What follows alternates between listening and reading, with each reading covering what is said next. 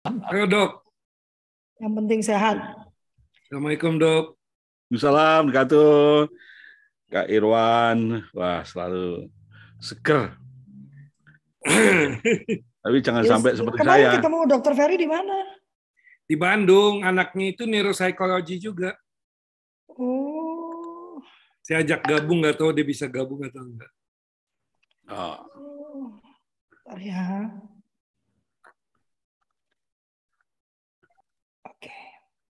Oke, kita mulai ya. Nah itu adik, Selamat pagi. itu anaknya dokter Ferry itu. Ditya. Oh, Ditya hai Ditya. Nugraha. Hai Ditya, selamat pagi, salam kenal. Salam kenal semuanya. Saya dari ibu Nah, ke anak. Kok karena Selamat anaknya gabung, pagi. Dokter Ferry-nya nggak ada ya? Waduh, Selamat pagi. Dokter Ditya. Biasanya rajin ya. mamamu itu walaupun di klinik juga. Ya kita mulai ya. Selamat pagi sahabat suluh keluarga. Eh, Selamat bertemu kembali dengan Kultur Parenting Pagi edisi hari Senin tanggal 22 eh, Agustus tahun 2022. Wih, 22822. Yang mau nikah, yang mau nikah. Dua-dua? Oh iya ya. 8 Wah. 22. Iya kan? Hmm. Biasanya yang mau nikah kan jadinya itu atau ini nanti diketak sama dokter bagus aku. Yang sesar, yang sesar. nanti dimarahin sama dokter bagus setelah itu. Ya, dan hari Senin ini ya eh, semoga kita awali dengan semangat yang luar biasa walaupun badan sakit semua mungkin ya, tapi semangatnya tetap membara. Dan pagi ini eh, kita bertemu dengan sahabat saya, sahabat yang belum pernah bertemu secara langsung. Oh Baru, iya ya. Iya, kita belum pernah ketemu Belum ya? langsung, Kak Amir. Masih. Padahal padahal setengah bulan yang lalu saya ke Jakarta, cuma memang urusannya agak cepat sih. Jadi ah, Gak apa-apa. Nanti kalau saya Iya. ke Jawa Timur, saya kontak ya. Kalau pas Oh, ke iya. Jawa Timur juga. Saya sekarang ini posisi ke- saya di Manado ini. Walah, waktu itu tunggu saya ke Manado. Ah, lama banget. ya, Kak Amir ini adalah salah satu praktisi neuroscience. Dan Kak Amir ini punya program namanya neuroparenting. Jadi parenting berbasis kerja otak ya. Eh, Menurut saya ini sangat menarik ya. Karena sering kali eh, kita memandang anak itu tidak dengan holistik sehingga pendekatan kita pun kurang holistik begitu ya. Kami punya dua eh, praktisi neuroscience dengan sudut pandang yang slightly different. Ada Kak Ane Garcia dan Kak Amir Zudi dan saya mengundang dua-duanya agar saling melengkapi sehingga eh, sudut pandang kita itu komplit gitu ya. Dan pagi ini Kak Amir akan berbicara sesuatu sebetulnya namanya Dokter Amir Zudi ya. Tetapi di ruang ini kita semua saling memanggil kakak gitu. Jadi eh, supaya lebih akrab ya. Karena berbicara parenting itu perlu keakraban. Dan pagi ini Kak saya sengaja meminta karena bulan ini temanya adalah remaja. eh, saya ingin eh, meminta Kak untuk berbicara tentang bagaimana sih membuat keputusan yang cerdas ya cerdas itu quote unquote ya menariknya kemarin Kak saya itu dimi- diajak diminta ikut eh, workshopnya salah satu teman saya ya dan saya mengikuti ya untuk menghormati undangan saya ikut disampaikan salah satu peserta menyampaikan karena usia eh, anak itu amigdalanya masih sangat kuat katanya ya sudah kuat itu maka eh, belum nggak bisa di coaching katanya percuma katanya saya mau Oke. protes ini bukan uang saya gitu ya tapi akhirnya saya Oke. bahwa ini banyak sekali yang yang mispersepsi gitu Kak Amir ya Iya. Nah, ini sangat terkait dengan pembicaraan kita hari ini tentang mengambil pengambilan keputusan yang cerdas. Karena berpikir dan mengambil keputusan itu keterampilan. ya. Skill itu bahasa Indonesia keterampilan. Ya. Nah, keterampilan itu berarti kalau namanya terampil itu artinya diajarkan, ya Kak Amir ya, diajarkan, dicontohkan. Ini nomor dua ini yang selalu lupa orang tua ini ya, ditauladankan, dan yang ketiga dilatihkan. Nah, Kak Amir akan mem- membedah tentang ini dari perspektif bagaimana otak itu berkembang supaya kita nggak salah lagi. Oh, karena amigdalanya terlepas ini jadi sudahlah biarin aja nangis terus Ya, ya. aja gitu ya. Ya, Ya, ya, silakan ya, Kak ya. Amir. Ya, Bismillahirrahmanirrahim. Assalamualaikum warahmatullahi wabarakatuh. Selamat pagi, salam sejahtera teman-teman semuanya dari Sabang sampai Merauke. Senang sekali di pagi hari ini yang penuh cerah. Saya dari lereng utara Gunung Lokon. Ya, mudah-mudahan eh, teman-teman Gunung Lokon itu salah satu gunung yang ada di Tomohon, sangat indah sekali. Indah dengan apa? Dengan tanaman bunga-bunganya ya, di sekitar Gunung Lokon. Ya efek daripada seringnya erupsi ya gitu ya eh, sehingga tanaman bunga-bunga itu menjadi sangat indah. Oke teman-teman pagi hari ini saya maunya sebenarnya sharingnya sampai jam 9 begitu ya. Cuma memang eh, ternyata Senin ini saya sudah saya itu kalau sama seluruh keluarga ditanya yes yes gitu. Nggak ngelihat jadwal lagi gitu ya. Walah aku noh. Ternyata the next ini udah udah ditunggu teman-teman dari dari corporate lain untuk untuk melatih apa namanya untuk melatih eh, eh, apa, karakter building ya yang berbasis berbasis otak gitu ya. Ya gimana kalau nanti kita buat pelatihan tersendiri saja? Dua jam bersama Amir. iya Ya, iya ya sama iya, dengan bisa. parenting ya. bisa. Bisa kontak Kak Amir ya, eh, Kak Fao ya. bisa bisa sekali. Bisa banget. Gitu ya teman-teman em, hari ini seperti biasanya saya ketiban sampur saja di sini ada ada dokter Ika ada dokter Rizky ada ini ada dokter Ditya ya dokter ini Ferry dokter Ferry ya bukan ya Yes, Dokter Ferry. Oke, ada wah ini ada eh, Ibu Ibu Dwita ini psikolog psikolog senior di Pagi Di dokter. Selamat pagi. Bu Dwita. Iya. Tugasnya Pagi. belum ya dok? Oh, iya iya. Ya, jadi Tugasnya Ya, monggo. mau dibuat. ya terima kasih. Udah. Eh, Materi hari ini sangat sangat menarik ya, sangat sangat menarik. Eh eh, dengan dengan saya harus mohon maaf ya gitu ya, sangat menarik. Ini ini bulan-bulan ini memang cukup padat aktivitas saya ya gitu ya, padat ya. Jadi kalau orang Ngawi itu bilang padat sekali itu padat gitu ya. Ini ya jadi eh, meskipun demikian tetap saya saya tetap menyisihkan waktu emas saya untuk membuat coretan-coretan dikit minimal untuk untuk mengantar apa namanya mengantar diskusi ya gitu ya Eh, memang kajian ini eh, asiknya dua hari jadi tema yang Mbak Lovely berikan ini nggak bisa hanya satu jam nggak bisa dua hari Kan mancing ini mancing. Iya, dua harinya sampai applied-nya. Ya, sampai applied-nya. Ini materi materi ini biasanya saya bawa untuk level-level menengah ke atas. Ini kalau untuk di kerjaan ya, ini level-level level-level manajer ke atas ya, sampai pincang, pimpinan cabang. Ini sekarang mereka mereka apa namanya? Mereka eh, banyak sekali latihan-latihan berpikir karena seperti yang dikatakan Kak Lovely tadi bahwa berpikir itu bukan hanya sekedar berpikir tapi berpikir itu masuk di dalam satu keterampilan satu skill skill of thinking ya gitu ya Eh, teman-teman semua yang yang berbahagia kita belajar belajar bareng ya gitu ya. belajar bareng berbicara tentang tentang neuroscience ya dari dulu saya belajar sampai sekarang juga nggak ngerti-ngerti gitu istilahnya gitu ya. Juga di Manado ini eh, rindu dengan lab anatomi gitu ya, lab anatomi Manado. Eh, kemarin juga ini sharing sama mahasiswa-mahasiswa di di Manado untuk ya kangen aja, kangen kangen lihat kadaver gitu aja.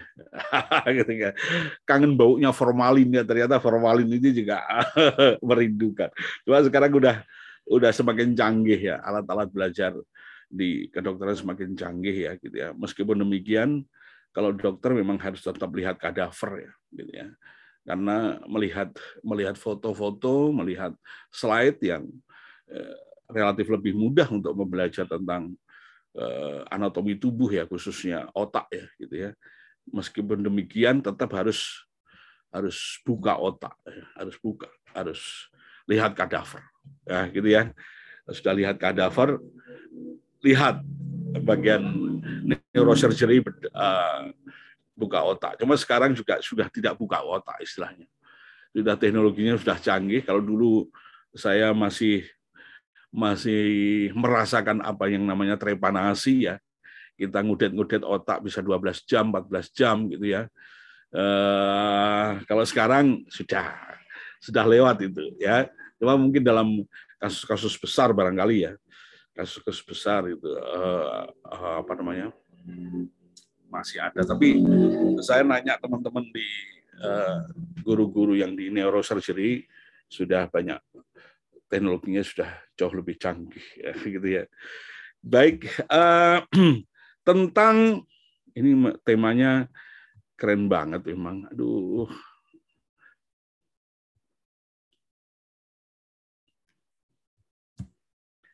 tentang membuat keputusan cerdas. Uh, ya, salah satu yang sering misleading membuat keputusan itu remaja. Membuat remaja.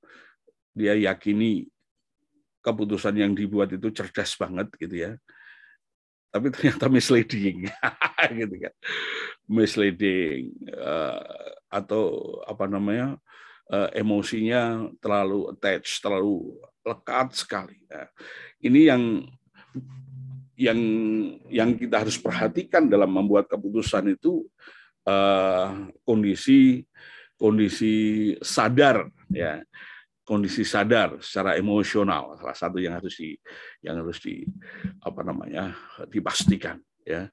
Yang namanya yang namanya keputusan itu itu uh, bisa cepat ya bisa lambat. Tapi yang yang harus diperhatikan adalah adalah uh, proses pengambilan keputusan ya banyak di antara kita banyak di antara kita uh, berawal dari berawal dari sudah cakap berpikir. Ya. Ternyata kecakapan berpikir itu ternyata masih dalam dalam ranah apa namanya bias-bias kognitif. Wah gitu ya.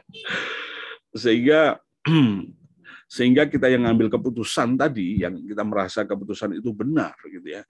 Pada saat emosinya sudah teduh ya baru dia bisa bisa berpikir oh ternyata kurang tepat ternyata dan seterusnya gitu ya akhirnya ya sudah nah maka itu eh, tepat sekali ini membuat keputusan yang cerdas. Bagaimana sih membuat keputusan yang cerdas itu?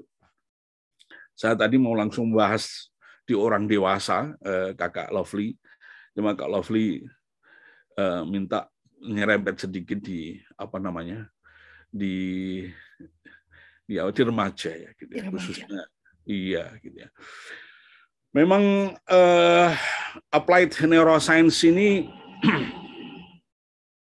uh, mengaplaidkan neuroscience ini mengaplaidkan neuroscience ini memang perlu perlu apa ya perlu perlu kajian gitu ya.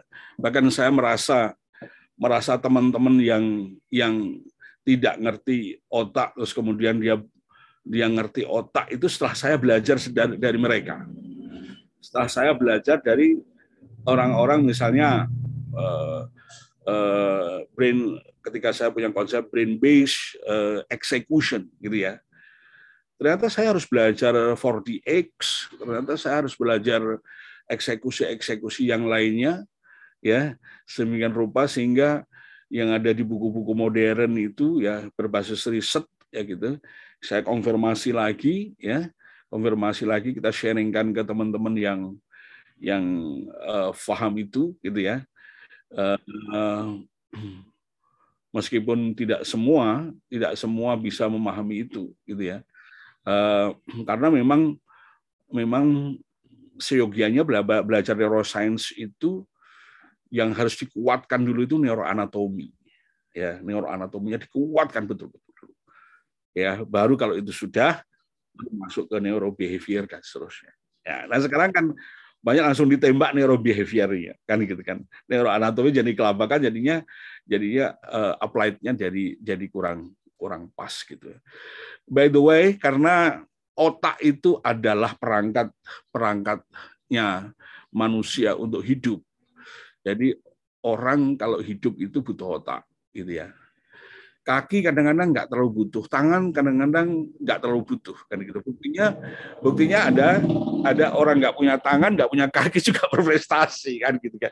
Tapi jangan coba nggak punya otak, kan gitu kan, ya pasti mati, nah, gitu ya. Nah, eh, karena otak itu adalah komponen eh, kehidupan manusia, maka relatif relatif mudah ya belajar tentang tentang otak ya.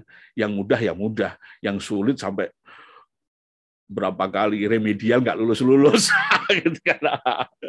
Rewot ya gitu. Ya teman-teman. Jadi saking ya, mana yang mudah mana yang eh, karena apa? Karena ada ada ada satu komponen otak. Ada beberapa komponen yang jelas ini satu komponen itu contohnya satu komponen otak itu dipelajari oleh para dokter, dipelajari oleh para guru, dipelajari oleh para orang tua. Satu komponen otak. Cuma konsentrasinya berbeda-beda. Yang namanya basal ganglia, ya namanya dengan kompleksnya, ya plus dengan reseptor-reseptor, plus dengan uh, hormon-hormonnya yang ada di situ. Salah satunya adalah dopamin. Kalau dokter belajar basal ganglia, ya sampai dokter bedah pun belajar basal ganglia, orientasinya jadi orientasinya uh, salah satunya bagaimana uh, si pasien ini si pasien ini memiliki kehidupan yang lebih baik gitu ya. Dalam arti apa? Dalam arti um, uh, cara berpikirnya bagus, ya gitu kan. Uh, cara bergaulnya, berbicaranya bagus, ya tampilannya dalam gerakannya bagus gitu kita dokter biasanya konsentrasi situ nah, salah satunya kalau kita misalnya Eh, apa namanya mempelajari yang namanya Parkinson. Ya, guru nggak mungkin akan belajar Parkinson. Apalagi orang tua nggak mungkin akan belajar Parkinson. Ya mungkin sekedar tahu. Tapi kalau dokter pasti akan dalemin ya apalagi ya. Gitu. Sekarang sekarang dokter saraf juga mendalami situ sampai di tingkat neuroglia, sampai di tingkat apa namanya sel-sel saraf yang tugasnya untuk memberi makan neuron ya gitu ya. Ternyata ternyata eh, eh, salah satu rekayasanya gitu ya untuk untuk melakukan pembedahan-pembedahan yang berhubungan dengan aktivitas otak itu salah satunya adalah eh, apa namanya eh, kita harus memperhatikan eh, apa namanya neuroglianya tadi dan seterusnya ya gitu. Nah, kalau untuk kalau untuk guru ya, untuk guru, guru berpikir bagaimana ini anak-anak bisa belajar bisa belajar bisa belajar dengan enjoy. Ya, bisa belajar dengan apa namanya semangat yang tinggi gitu ya. Bisa belajar yang ada muncul rasa keingintahuan gitu ya. Ya, maka guru belajarnya apa? Basal ganglia sama-sama seorang ibu, seorang orang tua ingin belajar anaknya memiliki karakter yang baik, ya perilaku yang baik, ya senantiasa senantiasa langsung otomatis on gitu ya perilaku yang baik itu dalam respon kehidupan sehari-hari. Para orang tua pun harus belajar basal ganglia. Jadi masing-masing, masing-masing eh, apa namanya eh, kita konsentrasi di situ. Jadi suatu suatu ketika saya di ini yang delontok ini teman-teman kadang. Suatu ketika saya disuruh ngisi teman-teman uh, neurolog gitu ya. Sama oh, ngomong apa nih sama neurolog ini? Gitu kan. Waduh. Ya ternyata ternyata ya teman-teman neurolog, neurolog ketika terutama kalau di neurologi kan behavior ya uh, neurobehavior itu kan bagian dari program-program uh, apa namanya uh, apa studi lanjutan ya uh, apa namanya program-program eh, doktor ya atau minimal pasca ya. Uh, sehingga memang tidak langsung serta merta teman-teman teman-teman neurolog yang baru selesai misalnya gitu ya langsung bisa belajar behavior ya gitu ya. Uh, sebetulnya mereka sudah belajar cuma sering kali kita butuh apa namanya bridgingnya ya kan. Cantolannya oh ini sini cantolannya sini cantolannya sini. Baru oh gitu ya. Ya khusus untuk untuk remaja yang sering kali cara membuat keputusan itu gerusa-gerusu gitu ya. Um, memang tidak lepas dari dari dua dua bagian otak yang namanya ya yang namanya ini uh, ada namanya bagian otak bagian dalam dan otak bagian luar. Nah, gitu ya nah, dokter Ana bilang dokter Ana bilang bagian bawah dan bagian atas ya boleh boleh saja ya gitu ya. Saya menggunakan bagian dalam dan bagian bagian luar ya gitu ya. Kenapa bagian dalam? Karena ada yang menutupi. Ya kenapa ada ada bagian luar? Karena ada yang tugasnya um, menjadi penutup maka ada yang menyebutnya dengan kulit otak itu bagian luar ya. Nah, tidak lepas dari sini termasuk kehadiran bentar ya, saya minum, minum air dulu ya. Gelasnya besar ya gitu ya. Biar nggak ngambil-ngambil. ini ini khas persediaan di kampungnya begini. Sebenarnya mau sebenarnya mau saya kendi.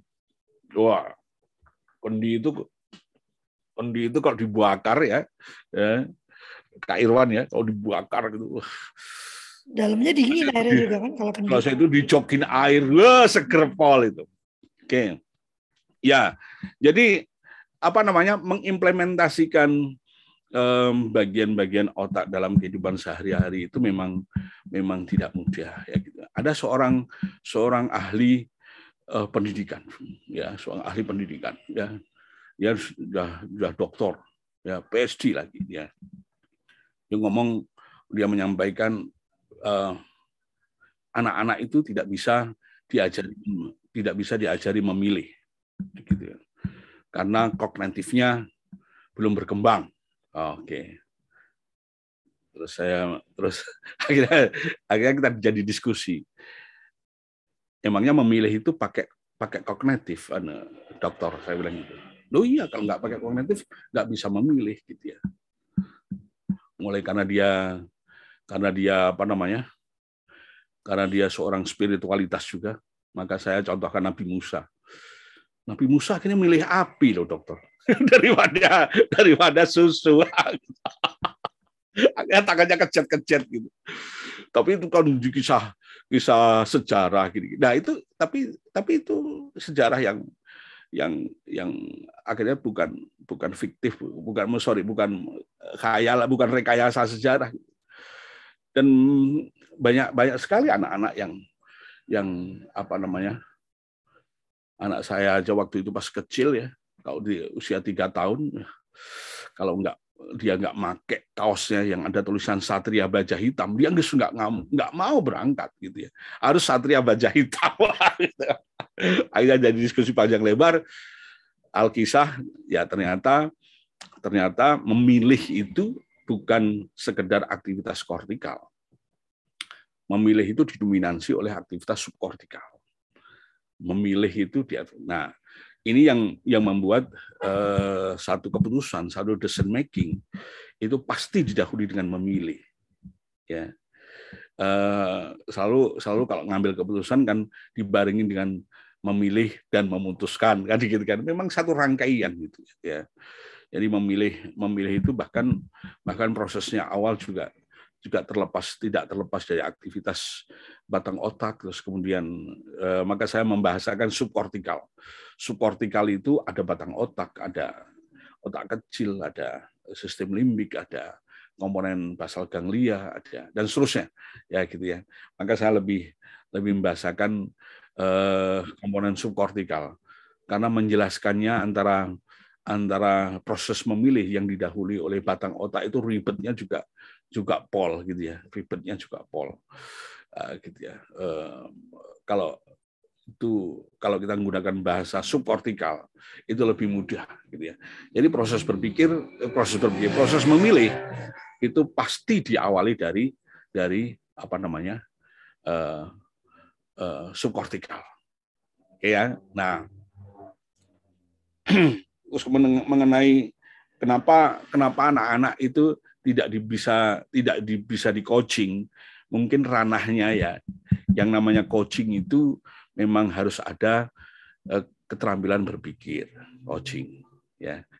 Kalau kalau anak-anak yang belum bisa yang belum bisa berpikir itu memang nggak bisa melakukan coaching ya di The Teenage Brain yang berapa hari ini kita kita sharingkan ke remaja-remaja gitu ya.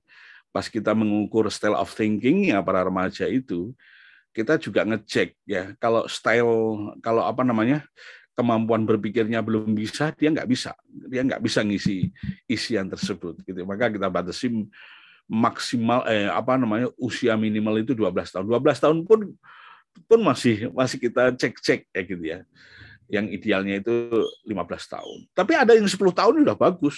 Ada juga gitu kan. Ya mungkin nutrisinya bagus, terus latihan-latihannya eh, tentang kognitifnya bagus ya. Dia anaknya seorang psikolog di Jakarta ya. Tentang usia 10 tahun bagus dia. Justru justru eh, proses berpikirnya itu eh, relatif lebih stabil dibanding dibandingkan sama ada yang lainnya usia 18 tahun gitu ya. Nah, jadi kalau konteksnya tadi Mbak eh, Kak Lovely, oh anak-anak itu nggak bisa di coaching karena karena apa namanya eh, amigdalanya masih kuat dan seterusnya. Kalau nggak bisa di coaching sih benar, ya. Tapi alasannya bukan karena amigdalanya kuat, bukan. Memang amigdalanya kuat. Ya alasannya alasannya kortikalnya belum sempurna, belum berkembang sempurna, terutama prefrontal cortex ya terutama prefrontal cortex. Prefrontal cortex itu nanti kan baru selesai tank gitu ya. Itu yang cepat itu 18 tahun ya. Eh, apa namanya? Dan itu dan itu otak paling terakhir, terakhir tumbuh dan berkembang. ya. Paling cepat 18 tahun, rata-rata 21 tahun dan yang geli itu bisa 24 25 tahun. Gitu ya. Nah, begitu pentingnya ini dua bagian dua bagian otak ini ya eh, dua bagian otak ini yang yang subkortikal ini apa namanya yang tampilan di sini adalah sistem limbik ya. Terus kemudian ada bagian yang bagian luarnya ya. Saya tampilkan di sini yang lebih prefrontal cortex ini urusannya dengan decision making urusannya dengan pengambilan keputusan.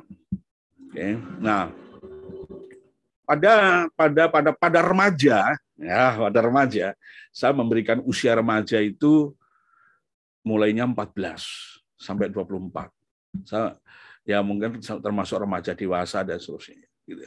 saya masukkan eh, di mana di mana remaja itu otak korteknya eh, berkembang sampai terakhir ya. Terakhir itu yang 24 itu. Saya ikut WHO aja. Itu kan WHO definisinya. Ada yang lainnya 12 sampai sampai 12 sampai 24. Ya, memang di 12 tahun relatif anak-anak eh, otak subkortikalnya anak-anak sudah sudah mulai matang. Jadi kalau kita lihat eh, tumbuh kembang eh, otak itu ini berhubungan dengan decision making ya. Tumbuh kembang otak itu eh, ini ini juga risetnya dari COSIS Kuzis ya ini bahasa Jerman jadi lidah saya itu bahasanya Surabayaan kan jadi ngomong Kuzis juga nggak fasih Kuzis and Posner gitu ya. Leadership challenge ya. Itu mengatakan bahwa bahwa kehebatan seorang pemimpin termasuk di dalamnya itu dalam dalam mengambil keputusan dalam merencanakan ya merorganize dan dan seterusnya itu memiliki korelasi dengan kualitas pengasuhan dikala kualitas pengasuhannya. Nah, gitu ya bahasa umumnya gitu ternyata beliau melakukan satu riset ya. Para leader yang bagus itu ya ternyata pengasuhannya bagus. Yang dimaksud pengasuhan bagus itu yang dimaksud pengasuhan bagus itu kalau kita totalitar jenderal gitu ya ya. Anak itu mendapatkan pengasuhan dengan eh, dengan proses pengasuhan yang yang menghasilkan rasa bahagia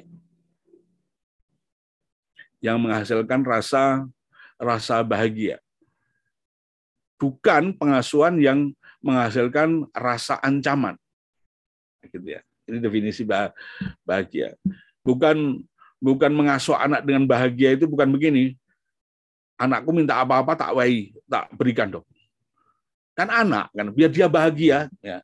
Eh, apa menurut dia tidak bahagia itu ditandai dengan nangis.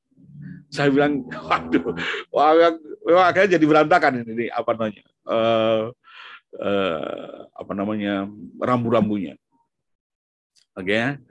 Eh, terus saya bilang, jadi kalau anak-anak, kalau anak-anak diberi tantangan itu eh, bukan dalam rangka melatih dia untuk bahagia. Dia bilang, kalau diberikan tantangan ternyata dia takut, gitu kan? Oke. Terus akhirnya kalau besar nanti dia nggak mau dengan tantangan-tantangan baru. Akhirnya dia dia selalu resah dan gelisah, mudah baperan, uh, sulitnya mendapatkan ide-ide baru, gagasan-gagasan baru, yang pada gilirannya dia akan akan menjauhi tantangan-tantangan itu dan boleh ditanya orang-orang yang sering menjauhi tantangan itu punya rasa dia pada saat itu bahagia atau sebaliknya. Ya pasti dia mengajak menjawab perasaan saya penuh ancaman tuh pasti. Ya risetnya begitu soalnya. Nah ini apa namanya um, harus kita pahami dengan dengan amat sangat baik. Pada remaja ya pada remaja pada remaja subkortikalnya itu sudah matang. Matur ya, matur tak akhirnya tak bahasakan matang gitu. Ya gitu ya. E, kalau direferensikan matur. Matur itu dalam arti seluruh komponen otak ya, secara struktural, secara anatomis, secara anatomis sudah selesai berkembang. Sudah selesai jadi ya gitu ya kalau kita secara anatomis itu ada ukuran-ukurannya. Amigdala ukurannya gini ya, hipokampus ukuran gini gitu ya. Prefrontal cortex ukuran gini gini gitu ya. Uh, ada pengukuran-pengukurannya. Apalagi kalau kalau di mikroskop yang yang alat untuk operasi yang baru di neurosurgery itu kan kan begitu cerk gitu kan sudah peta apa namanya uh, pembagian otak kan Broadman-nya kan sudah kelihatan. Ya, dan ada yang lain, saya sih belum melihat yang yang terakhir ini. Yang lain bisa bisa melihat dia ngecek ya hipokampusnya besar atau kecil, nah, kita langsung bisa. Gitu. Tapi kalau di fMRI saya sudah melihat, oh begini uh, apa no, uh, otak yang kecil itu dan seterusnya. Gitu ya. Oke teman-teman. Nah pada remaja yang otak subkortikalnya ini subkortikalnya ini sudah mateng ya. Sementara otak kortikalnya belum mateng. Ya. Kortikalnya belum mateng, subkortikalnya belum mateng. Ya. Padahal untuk proses berpikir, padahal untuk proses berpikir itu kortikal harus mengendalikan subkortikal. Ini Kahneman salah satu yang riset. Ya ya. Daniel Kahneman. Ya yang salah satu yang berisetnya eh, sehingga ada ada berpikir satu berpikir dua kayak gitu ya. Teman-teman bisa bahas itulah. Slow and ah, fast and slow thinking ya, gitu. itu wah cukup bagus itu. Uh, saya saya baca buku itu udah berkali-kali gitu ya. Udah sampai hancur itu bukunya. Ada ada lumat gitu. Oke. Okay. ya efek apa namanya um, cara berpikir ya cara berpikir yang termasuk decision making. Decision making itu uh, butuh butuh pikiran lengkap. Ya butuh pikiran lengkap. Uh, kami mengatakan baik itu pikiran subkortikal maupun uh, keputusan uh, kortikal. Oke okay, ya seorang Yusuf Kala, nah, gitu. seorang Yusuf Kala, ketika beliau menjadi seorang presiden, eh wakil presiden, ya wakil presiden ya Yusuf Kala ya. Waktu itu wakil presidennya wakilnya Pak SBY ya. Di era apa di era GAP ya. Yang berangkat ke Aceh waktu itu untuk untuk mendamaikan GAM ya, pokoknya untuk perundingan ya, lalu Yusuf Kala.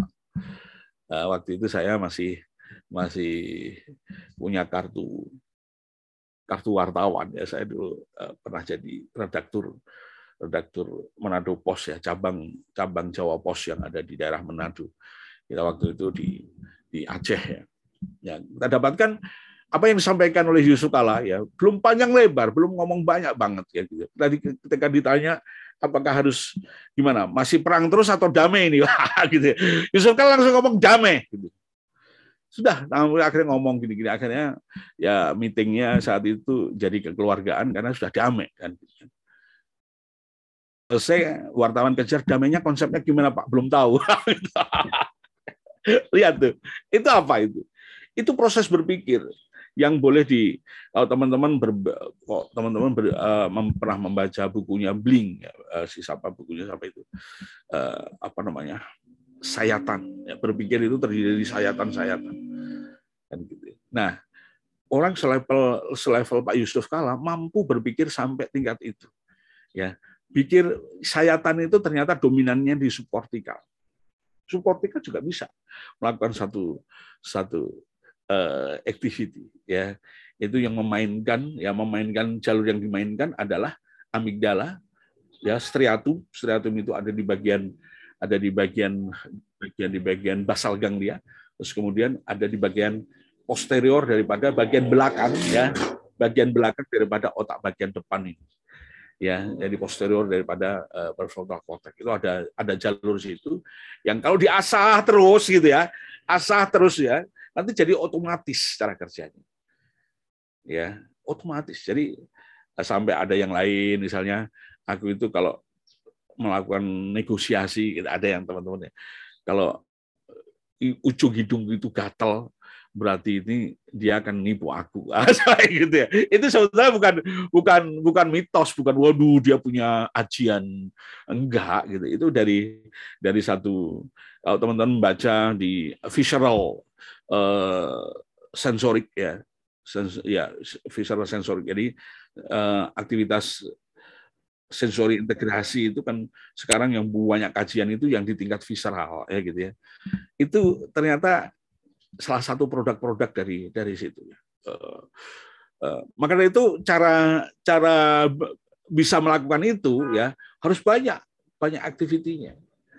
Ya, yang namanya Yusuf Kala ya gitu. Pak Yusuf Kala ya sampai dia diminta ke Afghanistan aja juga untuk menyampaikan menyampaikan ide-ide briliannya dia untuk untuk menyatukan suku-suku di Afghanistan. Jadi artinya Pak Yusuf Kala sudah sudah sangat kompeten di bidang itu. Nah, ini ini dalam implementasi lebih lebih banyak. Kembali pada remaja, ya otak subkortikalnya itu sudah kuat, ya sudah sudah matuh. Cuma sekali lagi remaja kan juga belum banyak belum banyak pengalaman. Ya.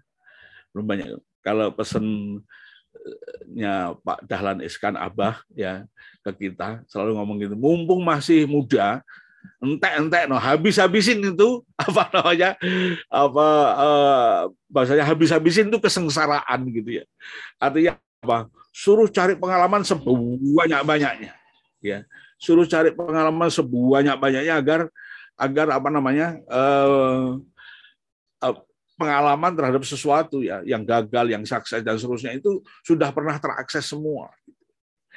Sehingga akan akan akan memudahkan yang namanya ini ada risetnya yang lakukan si Lisa Friedman Barrett yang namanya emotional experience itu betul-betul didapati. Nah, kalau sudah didapati itu itu sangat manfaatnya sangat luar biasa. Experience. Nah pada remaja katakanlah eh, belum banyak ya pengalaman. Ya. Efek daripada belum banyak pengalaman ini eh, membuat keputusan-keputusan yang boleh jadi didominasi oleh subcortical region otak bagian dalam membuat keputusan-keputusan remaja itu kebleset ya di eh, apa namanya di Harvard, ya, psikologi Harvard kan di riset ini. Kalau kita pesannya kalau ngambil keputusan jangan lagi emosional. Kalau lagi kalau emosional ya, kalau emosional pasti keputusannya nggak karu-karuan ya. Ya karena ada proses proses pengambilan data-data di otak yang yang tidak bekerja dengan sempurna. Mereka memberikan istilah salah satunya tentang misleading memory ya gitu ya. Nah, kalau biasanya sebelum misleading memory biasanya ada emotional attachment. Ya, pokoknya uh, udah sayang banget gitu ya. Ah, banget. Uh, sayang banget dan benci banget itu hampir sama pengelompokan gitu ya. Sayang banget, benci banget itu hampir sama pengelompokannya. Uh, dulu kalau di apa namanya di pemilihan daerah atau pemilihan itu saya ditanya, dok ini putaran kedua nih, gitu. Kalau ya. dokter mana yang mana yang memilih, gitu ya. Ada dua-dua, ada dua ada dua apa namanya ada dua calon ya dua-duanya apa namanya eh, ketua suksesnya dua-duanya teman saya ada mati kalau begini jadi bingung gini gitu ya eh, ya akhirnya saya kumpul di warung kopi gitu ya saya bilang ya kalau menurut saya ya teman-teman tim sukses di sisa waktu yang ada jangan ngobok-ngobok yang lainnya yang segmen market yang sudah yang sudah mencintai betul-betul. Oke, okay? cari yang netral, ya. Yang membenci betul-betul juga belum tentu, ya. Tapi minimal minimal tidak yang mencintai. Oke, okay. uh, belum apa-apa sudah jam 9 ini pun. So bagaimana ini kondisi gini ya? Sementara sementara remaja itu kortikalnya belum sempurna, khususnya prefrontal cortex. Khususnya prefrontal cortex. Jadi ketika remaja itu 12 tahun, seluruh perangkat subkortikal itu itu sudah matang semua. Sudah matang semua. Itu saya lihat di Human Brain Development, kita lihat di The Fundamental of Neuroscience, kita lihat juga di uh, uh, uh, uh, ya beberapa risetnya Eh, Daniel Amin. Ya, Daniel Amin ini uh, salah satu salah satu ilmuwan yang yang kita gunakan uh, yang kita gunakan yang kita pokoknya kalau di Indonesia ya harus dengan ini gitu ya itu di Universitas uh, apa namanya uh, pembangunan nasional di UPN jadi salah satu salah satu apa namanya tenaga ahli kalau kita sharing tentang ilmu apa-apa itu ya. Nah, kita live langsung dari California. Nah, salah satunya dari Dr. Daniel Amin, seorang psikiater yang sekaligus dia menguasai tentang eh, apa namanya pemotretan eh, pencitraan otak ya gitu ya. Ilmunya sangat banyak, risetnya banyak sekali ya gitu ya. Eh, kalau teman-teman ingin belajar neuroscience, saya, saya recommended buku-bukunya mereka. Beliau itu ada 38 buku Insya Allah sampai detik ini ya saya saya baru ada 32 ada yang empat yang nyari nyari nggak dapat dapat ya bukunya bagus bagus ya oke nah kondisi begitu ya remaja ya. Kondisi begitu. Subkortikalnya kuat kortikalnya kuat. Kortikalnya belum selesai. Terutama prefrontal korteknya eh, masih lima persen harus dia sempurnakan. Jadi kalau teman-teman berbicara dengan the teenage brain gitu ya, undercover itu masih memang memang sedang memproses untuk menyempurnakan gitu ya. Efek daripada subkortikal yang sudah matang sementara kortikalnya belum matang, ini aktivitas-aktivitas yang berbau ya, yang nampak seperti impulsif dan seterusnya itu terjadi. Ya, pasti terjadi. Maka dari itu yang kita yang kita bimbing pada anak-anak adalah latihan. Latihan apa? Latihan decision making, ya gitu ya. Latihan decision making. Terus jangan di jangan di apa namanya? Jangan dihambat gitu ya. Lu kamu ini uh, otak kortikalnya belum sempurna, nak. maka jangan ngambil keputusan enggak kagak, enggak boleh gitu. Biar aja gitu ya. Kita damping. Maka kalau kita sama anak-anak remaja itu konsep pengasuhannya sudah sudah pendampingan, sudah coaching, gitu ya. Kalau pada anak-anak belum coaching, kayak gitu ya. Eh, karena apa? Karena kortikalnya belum apa namanya, eh, terutama prefrontal korteknya eh, belum belum belum tumbuh ya, ya. belum tumbuh sempurna dan seterusnya, gitu ya. Kalau anak-anak dilatih coaching boleh, ya, dilatih coaching, ya, karena karena prefrontal cortex itu sudah mulai bisa di bisa dirangsang itu ketika anak usia enam tahun ya kalau otaknya gizinya bagus dan seterusnya ya ada lima syarat untuk membuat otak bagus itu ya nutrisi lingkungan yang bagus ya pengalaman emosi. Terus apa namanya eh, eh, eh, tantangan rasional. Terus aktivitas fisik kalau ini ini bekerja seimbang ya biasanya anak-anak lima setengah tahun itu prefrontal cortexnya sudah mulai ya kita kita arahkan logika logika dikit-dikit gitu udah udah mulai nyantol nyantol nyantol. Nah, itu kita latih ya. Dia belum sempurna gitu ya. Terus nanti mulai mulai agak sempurna mulai usia sekitar 10 tahun. 9 tahun ke arah 10 tahun ya. Di mana ditandai dengan pembentukan angulus parietalis ya di belakang di belakang parietal berbatasan dengan daerah eh, oksipital ya gitu ya. Nah, di situ sudah muncul. Wah itu mulai mulai akalnya, geometrinya, aritmetikanya mulai mulai kerja di situ, gitu ya. Terus dia akan eh, kalau sampai ke decision making pengambilan keputusan dia butuh pematangan daripada daripada prefrontal cortex dan pengalaman daripada prefrontal cortex. Nah, tugas kita adalah adalah menyempurnakan proses berpikir yang benar. Proses berpikir yang benar itu ya kendalinya itu ada di kortikal. Kendalinya. Ya. Jadi kalau kita berpikir awal kok cenderung subkortikal ya, Terus lanjutkan proses berpikir itu hingga kortikalnya muncul. Ini kalau yang orang dewasa. Kalau pada para remaja, ya kortikalnya, subkortikalnya akan dominan. Ya.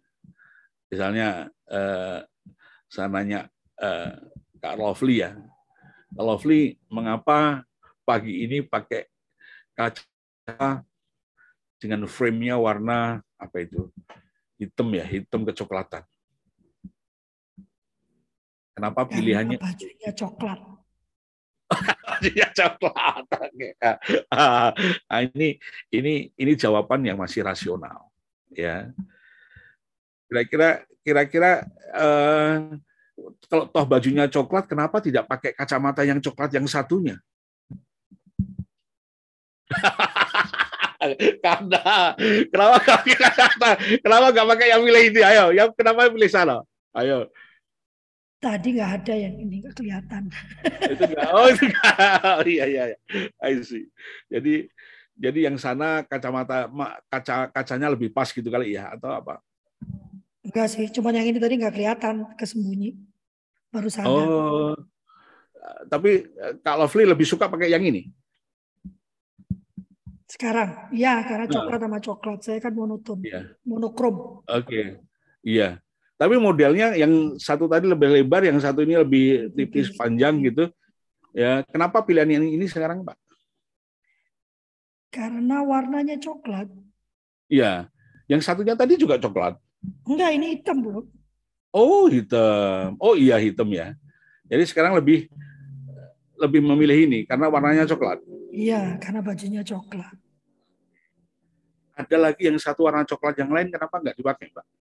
Nggak ada, cuma satu. Oh, nggak ada. ya tidak. Waduh, dokter Amir bukan bukan rahasia. Kagak. Satu aja tahu kan frame kan ada yang 6 juta, ada 8 juta, ada yang 15 juta, ada yang 20 juta. Wes. Ini juga ini uh, 35. Nah, maka dari itu kan. Uh. Jadi ada ya kagak itu dok ini ini frame-nya bisa ini bisa nih ternyata harganya ya memang ada intan-intannya sih di sini. Ya aduh. Ya sudah. Oke okay, by the way. Jadi mbak Lovely tadi hampir kejebak ya. Tapi dia kayaknya sudah karena sudah latihan uh, kortikal ya. Ya sebelum mbak Lovely ngomong ini karena aku pakai pakai apa namanya? Pakai baju warna coklat. Kemarin saya lihat juga nggak pakai warna nggak pakai baju coklat juga pakai kacamata ini Ayo, kenapa pilihannya ini? Kemarin Jangan bilang- juga kok ini baru dibeli. Oh baru beli. Saya biasanya punya kacamata dengan berbagai warna sesuai dengan baju. Oh gitu. Kenapa Untunglah Mbak Lovely? Kenapa Mbak Lovely milih Kak Lovely milih eh, antara kacamata, frame kacamata dan baju itu harus sama warna. Supaya serasi, enak dilihatnya. Enak Saya dilihat. sendiri yang enak melihatnya kalau pas kayak gini kan enak. Iya, oke. Ini enak ini dikit-dikit dikit-dikit ke subkortikal. Enak, aku aku rasa aku lebih cantik. Nyaman. gitu ya nyaman kan gitu kan tapi balikin lagi ke kortikal ya balikin lagi oh ini serasi kok dan seterusnya ya balikin lagi jadi proses berpikir itu ya pasti melewati subkortikal pasti ya. Nggak pernah langsung jenggelek di kortikal nggak pernah. Ya jalurnya begitu. Ya jalurnya jalurnya dari dari ada jalur-jalur saraf ya yang menghubungkan yang yang menghubungkan mulai dari batang otak ya cerebellum ke arah bagian tengah ya bagian sentral. Ada langsung juga bagian kortikal ya. Tapi semua semua stimulus ya semua stimulus ya eh, yang berhubungan dengan dengan aktivitas keputusan itu ya hampir sebagian besar itu lewat lewat apa namanya? Lewat batang otak. Ada yang lain nggak lewat batang otak seperti apa penciuman itu nggak lewat batang otak ya tapi tetap lewat lewat ada satu center di situ namanya talamus ya. Ada beberapa yang tapi sebagian besar pasti lewat lewat batang batang otak. Makanya itu batang otak itu harus di harus di wet wet gitu ya. Harus di apa namanya? Di wet wet itu apa namanya? Harus dirawat gitu maksud saya ya. Harus dirawat. Batang otak biasanya kalau kalau merawat bareng bareng dengan otak kecil cara merawatnya. Karena mereka mereka apa namanya kabelnya ya dari batang otak ke, ke otak kecil itu uh, luar biasa ininya Eh, sehingga sehingga cara cara merawatnya batang otak ya otak kecil ya sama-sama termasuk seperti apa eh, eh, anda jogging ya jalan pagi dan seterusnya itu ya. Nah pada remaja oke pada remaja sekali lagi em, harus kita latih cara berpikir ini ya. Harus kita latih cara berpikir. Jadi kita berikan latihan-latihan ya. Latihan tadi ngambil keputusan ya. Ngambil keputusan itu nggak nggak perlu nggak perlu besar besar nggak perlu. Eh, ya saya selalu mengatakan bahwa bahwa remaja ya remaja anak-anak SMA aktif di osis ya aktif di kegiatan-kegiatan organisasi masjid gereja pura apa apa itu amat sangat bagus ya. Karena nggak diajari di sekolah kan gitu kan. Itu amat sangat nggak diajari tapi itu digunakan untuk untuk aktivitas dia di di masyarakat.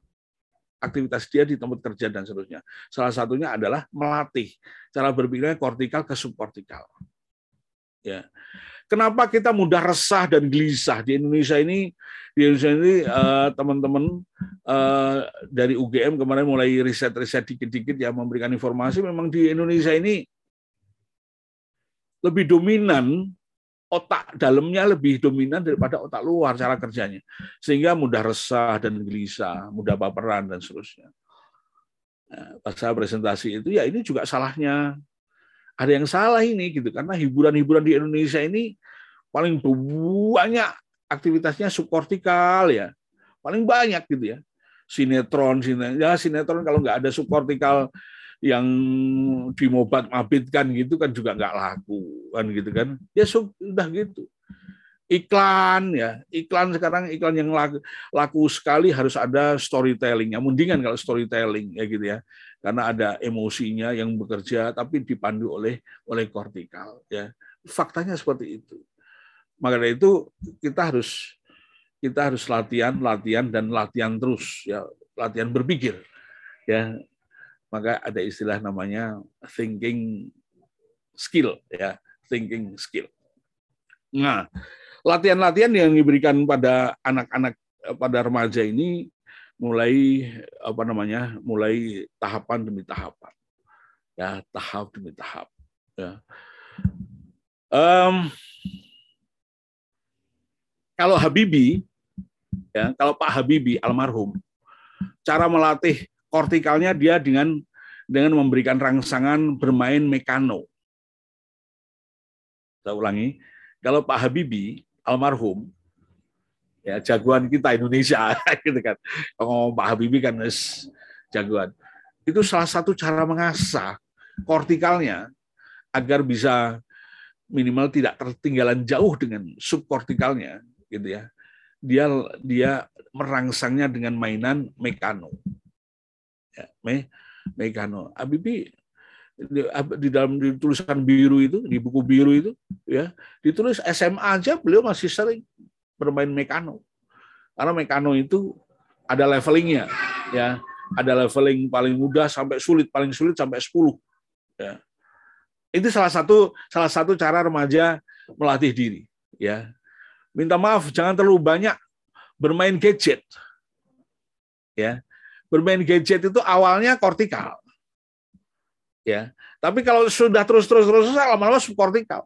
Kalau subkortikal itu terusin terusin terusin terusin lama-lama ya aktivitas subkortikal akan mendominasi gitu ya. Loh, ini ada ada eh, apa namanya satu wawancara teman-teman ya di anak-anak SMA gitu ya. Ya dia yang paling sulit dia mau belajar lagi gitu ya. Dia kadang-kadang mengalami kesulitan. Yang paling sulit mau belajar lagi itu di hari apa? gitu ya. Kalau suruh milih hari Minggu sampai hari Sabtu. Yang paling sulit dia bilang hari Senin, dok. Kenapa hari Senin paling sulit belajarnya? Karena hari Minggunya dia gunakan untuk bermain. bermain bermain gadget gitu ya. Jadi bermain gadget full pakai subkortikal, mengalihkan ke kortikal itu juga perlu effort gitu ya.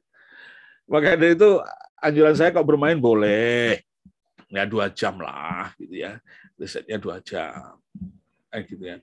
Atau nyari yang yang ada rangsangan-rangsangan rangsangan-rangsangan kor kortikalnya oke ya uh, ini catatan kita um, yang harus diperhatikan pada pada remaja ya um, sisi yang lain nanti suatu saat kita akan masuk di di apa teknik-teknik teknik-teknik uh, berpikir yang lain termasuk termasuk uh, lens trade ya uh, lens opportunity itu dari Lee Fisherman ya atau uh, apa grow mindset atau fix mindset dari Carol apa Dweck ya.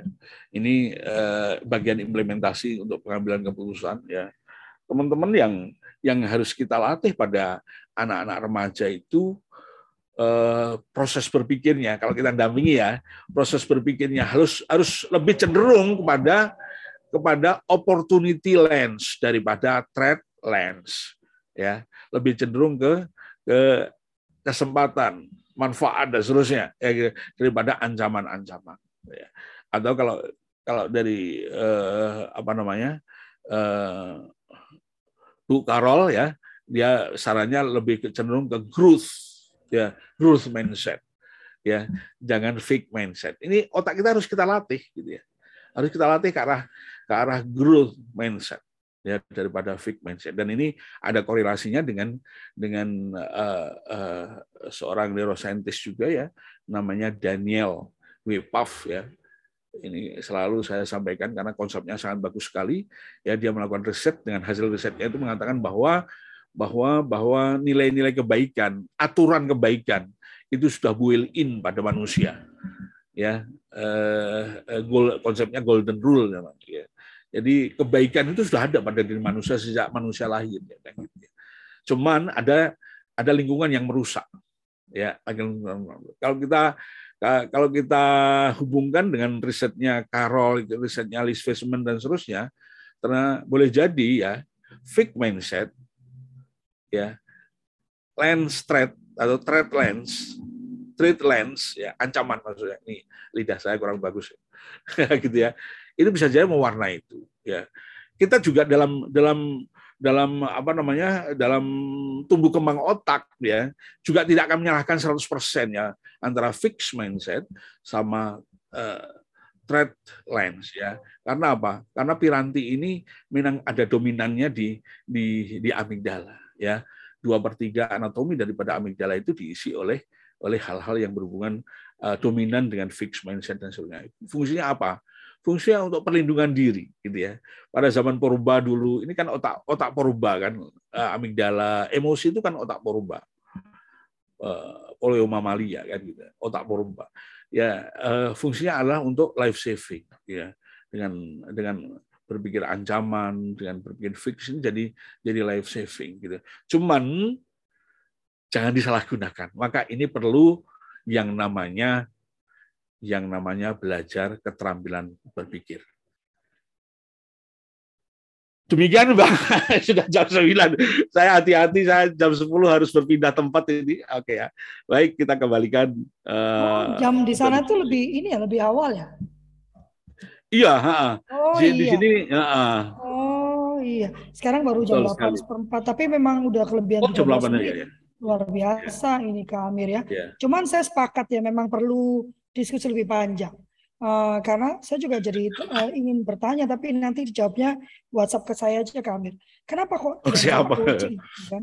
Karena kalau saya berpendapat eh, coaching itu kan enggak eh, justru melatih anak terus menggunakan apa pelan-pelan berpindah ke ke apa ke kortikalnya gitu ya Eh, pelan-pelan gitu itu dan enggak terus di coaching terus gitu kan. Eh, saya Ya. sekarang punya pendapat bahwa orang tua tuh harus berpindah eh, berpindah peran gitu kan sesuai dengan kebutuhan anak bukan usianya gitu. Jadi anak umur eh, balita pun ya bisa di coaching gitu kan. Eh, Ya. Karena terus untuk melatih dia mengambil keputusan Ya. misalnya gitu kan.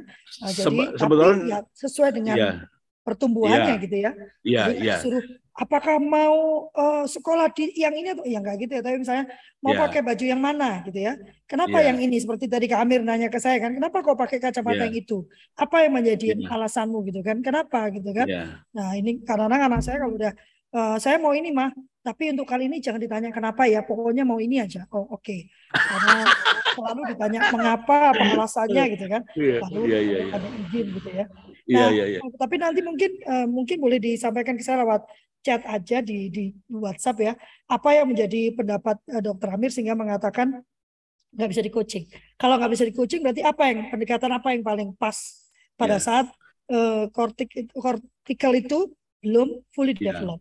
Nah, untuk Ya. ditutup saja, maaf teman-teman, ini karena sudah mepet waktunya, Pak Dokternya juga mau pergi, tapi kita akan saya akan hubungi Kak Fau untuk cek waktu dan kita akan buat eh, pelatihan khusus ya, eh, bagaimana melatih eh, pengambilan keputusan saja ya, pengambilan keputusan, eh, sorry, berpikir dulu, kerangka berpikir dulu ya pada anak, baru mengambil keputusan. Kalau kerangka berpikirnya salah, udah pasti pengambilan pengambilan keputusannya keliru gitu ya Kak Amir ya. Jadi jangan marah-marah kalau anak salah mengambil keputusan. Jangan-jangan kita mengajarkan proses berpikirnya juga keliru atau kita tidak pernah mengajarkan proses berpikir. Itu lebih berbahaya Ya. lagi. Silakan menutup Kak Amir. Ya, terima kasih. Em, em, kecakapan mengambil keputusan adalah sebuah keniscayaan, ya teman-teman. Karena apa? Karena kita hidup. Dengan keputusan itu kita eh, kita bisa menjalankan kehidupan eh, lebih baik. Salah satu salah satu yang seyogianya selalu hadir di dalam setiap keputusan adalah harapan bahwa ketika kita ngambil keputusan bahwa ada harapan kehidupan kita esok jauh lebih baik daripada hari ini. Semoga bermanfaat tema yang sangat bagus hari ini dan kita bisa dalemin lagi. Terima kasih, Mbak Kak Lovely. Terima kasih. Wow. Kak Irwan ada yang mau disampaikan? nggak ada hanya Ferry aja eh sorry Didit aja tuh yang mau nanya di chat? Oh iya, oh iya iya iya. Ya, eh, halo. Ya. Bertanya eh, Kak Amir. Ya. Untuk eh, remaja itu kan memang eh, prefrontal cortex saya itu masih belum berkembang ya pada umur segitu. Iya. Eh, pertanyaan saya sih lebih ke arah bagaimana sih orang tua itu sebenarnya bisa eh, melatih remaja-remaja ini supaya mereka bisa lebih berpikir kritis. Karena kan kita tahu terkadang kalau misalnya ada remaja yang tanda petik bandel, orang tua pasti langsung bereaktif ya kadang apa kadang-kadang dan itu yang akhirnya membuat si remaja itu terkadang menjadi reaktif juga. Ya. Nah, itu bagaimana caranya kita bisa meminimalisir uh, atau Hmm. resiko perteng uh, apa pe- pertengkaran antara remaja dengan orang tua. Hmm, Dengan cara hmm. metode apa sih atau cara apa atau mungkin berbicara seperti apa sih ke anak-anak remaja Iya. ini gitu. Ya, ya. Pertanyaan bagus. Saya jawab dikit ya. Masih ada lima menit ini. Ah, ya, terima kasih Dokter Ditya. Ya, jadi permasalahan yang paling sering muncul pada remaja itu sebetulnya penularan masalah yang ada pada orang tua. Salah satunya adalah itu minta maafin ini risetnya risetnya Daniel Goleman ini bukan bukan riset saya ya Eh, banyak orang tua yang yang apa sudah jadi orang tua tapi emosinya masih berantakan ya. Masih berantakan. Nah, di sini letak letak eh, persoalan yang yang apa namanya yang harus kita garis bawahi bahwa eh, otak remaja itu juga tumbuh dari otak anak dari otak balita dan seterusnya kan gitu ya. Dan dalam proses perkembangan yang tumbuh dan berkembang mem- memerlukan satu aktiviti yang namanya stimulan yang namanya rangsangan. Nah, orang tua harus menyadari bahwa melototan mata orang tua itu stimulus. Kata-kata kasar orang tua itu juga stimulus, kata-kata halus juga stimulus. Nah, gitu ya. Termasuk yang tadi yang katanya disampaikan oleh Dokter Detia itu bahwa kalau ada orang tua eh, apa namanya seperti yang disampaikan itu itu bagian, bagian dari stimulus ya gitu. Dan banyak sekali ya banyak sekali anak-anak yang sayang banget sama orang tua katakanlah gitu itu perilaku perilaku orang tua yang padahal orang tua sudah sudah tobat ya sekarang ya Artinya orang tua sudah ninggalkan itu perilaku itu, ya anaknya masih masih gunakan perilaku yang yang destruktif itu. Sampai akhirnya orang tua itu ngomong, tolong dong lihat ini anakku itu kok destruktif banget ini gini, gini. Kebetulan orang tuanya itu dekat sama saya dari masa dari sebelum menikah apa apa sudah dekat ya. Saya katakan loh itu perilaku anda, perilaku anda yang diadopsi anak anda tapi Anda sudah tobat dengan perilaku itu gitu ya. Wah, dia cengengesan. Oh iya iya iya iya. Jadi kadang-kadang orang tua harus sadar itu ya gitu ya. Nah, ada satu skill yang orang tua wajib ini, ini wajib punya ini, wajib punya. Dan ini ini saya masukkan di salah satu skill yang ada di uh, di di sekolah neuroparenting ya. Ini wajib nih orang tua.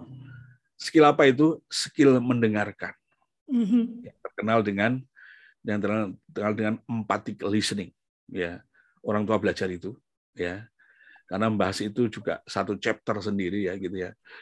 Gitu empathic listening. Ya, apa itu empathic listening dan seterusnya gitu. Itu perlu. Dan bahkan cara cara implementasinya pun ya saya harus mendampingi dia memenangi para orang tua ini sedemikian rupa sehingga betul-betul dia bisa jadi orang tua yang empathic listening ya. Satu. Yang kedua yang penting itu tapi empathic listening. Yang kedua kemampuan membangun bonding ikatan secara emosional. Biasanya kalau sudah empathic listening ya bonding itu gampang biasanya gitu ya. Tapi kalau empathic listeningnya susah eh boro-boro itu bonding gitu kan. Baru baru ketemu apa namanya ayahnya atau ibunya atau orang tuanya aja udah lepat keluar lagi kan gitu kan. Eh, anak-anak gitu. Jadi saran saya minimal dua itu sebagai orang tua ya harus punya keahlian yang namanya kemampuan menyimak ya kemampuan listening listening apa secara empatik ya. Ini kajiannya banyak sekali di di Daniel Goleman di uh, di, di di Yosef Leduk ya. Yosef Leduk juga Yosef Leduk itu gurunya Daniel Goleman uh, apa namanya uh, dan beberapa kajian-kajian yang lainnya uh, Daniel Siegel juga yang seorang psikiater yang belajar neuroscience itu juga sering bahas tentang tentang itu. Silakan teman-teman.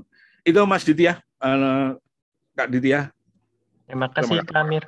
terima kasih kembali Ya, wah, tetap ya tergantung pada orang tuanya ya. Memang begitu, bukan pada gurunya ya, pada orang tuanya. Ya, jadi teman-teman tidak bisa lari dari tanggung jawab walaupun sudah masukin anak ke sekolah yang per bulannya 25 juta ya. Ada loh sekolah 25 juta. Dan menurut riset kecil yang saya lakukan, justru sekolah dengan harga seperti ini, anaknya luar biasa. Negatif ya ini ya, bukan positif ya. Ya, eh, kalau kata-kata halus tapi menusuk, wah ya enggak bisa, bukan masalah kata halus tapi nusuk itu kayak zaman dulu. Ya, sudah, memang kamu paling pinter. Mama mah cuma lulusan SD, kamu. Dulu nih. ya, nanti eh, berarti eh, bulan depan topik kita sekolah ya Kak Amir. Nanti saya akan carikan topik te- eh, tema kita sekolah, sorry. Tema kita tentang sekolah Wah. nanti nanti saya carikan topik yang sesuai dengan tema sekolah ya. Nah, jadi kami memutuskan tiap bulan tuh temanya berubah-ubah sehingga nanti dalam satu bulan tuh dibedah dari berbagai sudut. Terima kasih banyak teman-teman. Saya tahu Anda semua tidak puas. semuanya. Seperti kata Kak Amir, memang kalau bertemu dengan Kak Amir itu harus dua hari. Ya, jadi nanti saya akan saya akan atur dengan Kak Fau ya untuk cek jadwal dan kita buat pelatihan bersama ya Kak Amir ya. Gak usah mahal-mahal, yang penting eh, apa eh, masuk ilmunya dan diterapkan ya. Ayo Iya. eh, eh, sambil difoto Kak Delis, eh, saya mau melakukan penutupan. Jadi eh, Kultur Parenting pagi ini bisa Anda ikuti di YouTube dengan channelnya Kultur Parenting atau di Spotify dengan channelnya Suluh Keluarga atau Kultur Parenting. Jadi kalau ketinggalan silakan cek di sana. Ada sudah lebih dari 100 episode yang kami lakukan karena kami kerjakan dari hari Senin, Rabu, dan Jumat sudah dua tahun ini. Uh, dan juga ada topik-topik khusus saya belum sempat mengelompokkan, saya akan segera mengelompokkan ya supaya lebih mudah bagi Anda. Jadi ada playlistnya, Anda tinggal cek semua. Jika Anda ingin mendukung, silakan bergabung dengan Rp150.000 per tahun. Anda mendapatkan 12 kali 12 pertemuan parenting. Apabila 8 kali berturut eh, tidak 8 kali pertemuan per bulan diikuti, maka Anda berhak mendapatkan sertifikat bulanan ya. Kemudian 20% diskon untuk semua pelatihan yang kami lakukan. Baru-baru yang ini kami melakukan pelatihan coaching untuk parent dan teachers ya. Eh, Berlangsung sangat ramai dan akan dilanjutkan lagi akan dibuka batch 2 termasuk juga pelatihan lanjutannya yaitu coaching one on one. Habis ini saya akan melakukan dengan Kak Amir lalu Kak Irwan tapi saya mau gabungkan ya karena eh, Kak Irwan bicara dengan advers- adversary ya. Nah, nanti kita akan gabungkan. Sudah difoto Kak Deli? Sudah? Oke, terima kasih banyak teman-teman sudah bergabung ada 23 orang tadi terakhir ya. Eh, kita akan bertemu lagi di hari Rabu. Hari Rabu itu dengan Dr. Tri Gunadi ya. Eh, biasanya beliau itu agak sibuk jadi beliau nggak pernah memberikan apa nggak konfirmasi tapi tahu-tahu nanti biasa Selasa jadi kan Kak gitu ya. Jadi eh, saya berpikir positif saja. Hari Rabu adalah Kak Tri Gunadi, hari Jumat bertemu dengan saya ya. Nah, ayo silakan rame-rame kita bagikan Meskipun Anda tidak menjadi anggota, jangan khawatir, silahkan eh, tetap membagikan link dan klik. Saya tidak pernah menutup ruang ini hanya untuk anggota ya.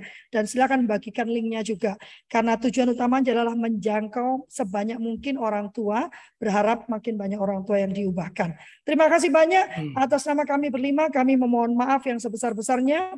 Apabila ada pernyataan, perkataan, sikap atau gestur yang kurang berkenan, kami tidak ingin merendahkan, kami tidak ingin memojokkan, kami tidak ingin menghina, tidak ingin menghakimi, tidak juga ingin menggurui. Kami hanya ingin me- menyampaikan apa yang menjadi keyakinan kami dan yang kami coba usahakan untuk kami kerjakan dalam kehidupan kami sehari-hari. Terima kasih banyak. Wassalamualaikum warahmatullahi wabarakatuh. Selamat Salam. berhari Senin menghadapi minggu yang baru. Tuhan memberkati. Terima kasih kami. Terima kasih. Terima Anggota kasih KKO aja ya. Ya, ya siap. Oke. Pamit ya.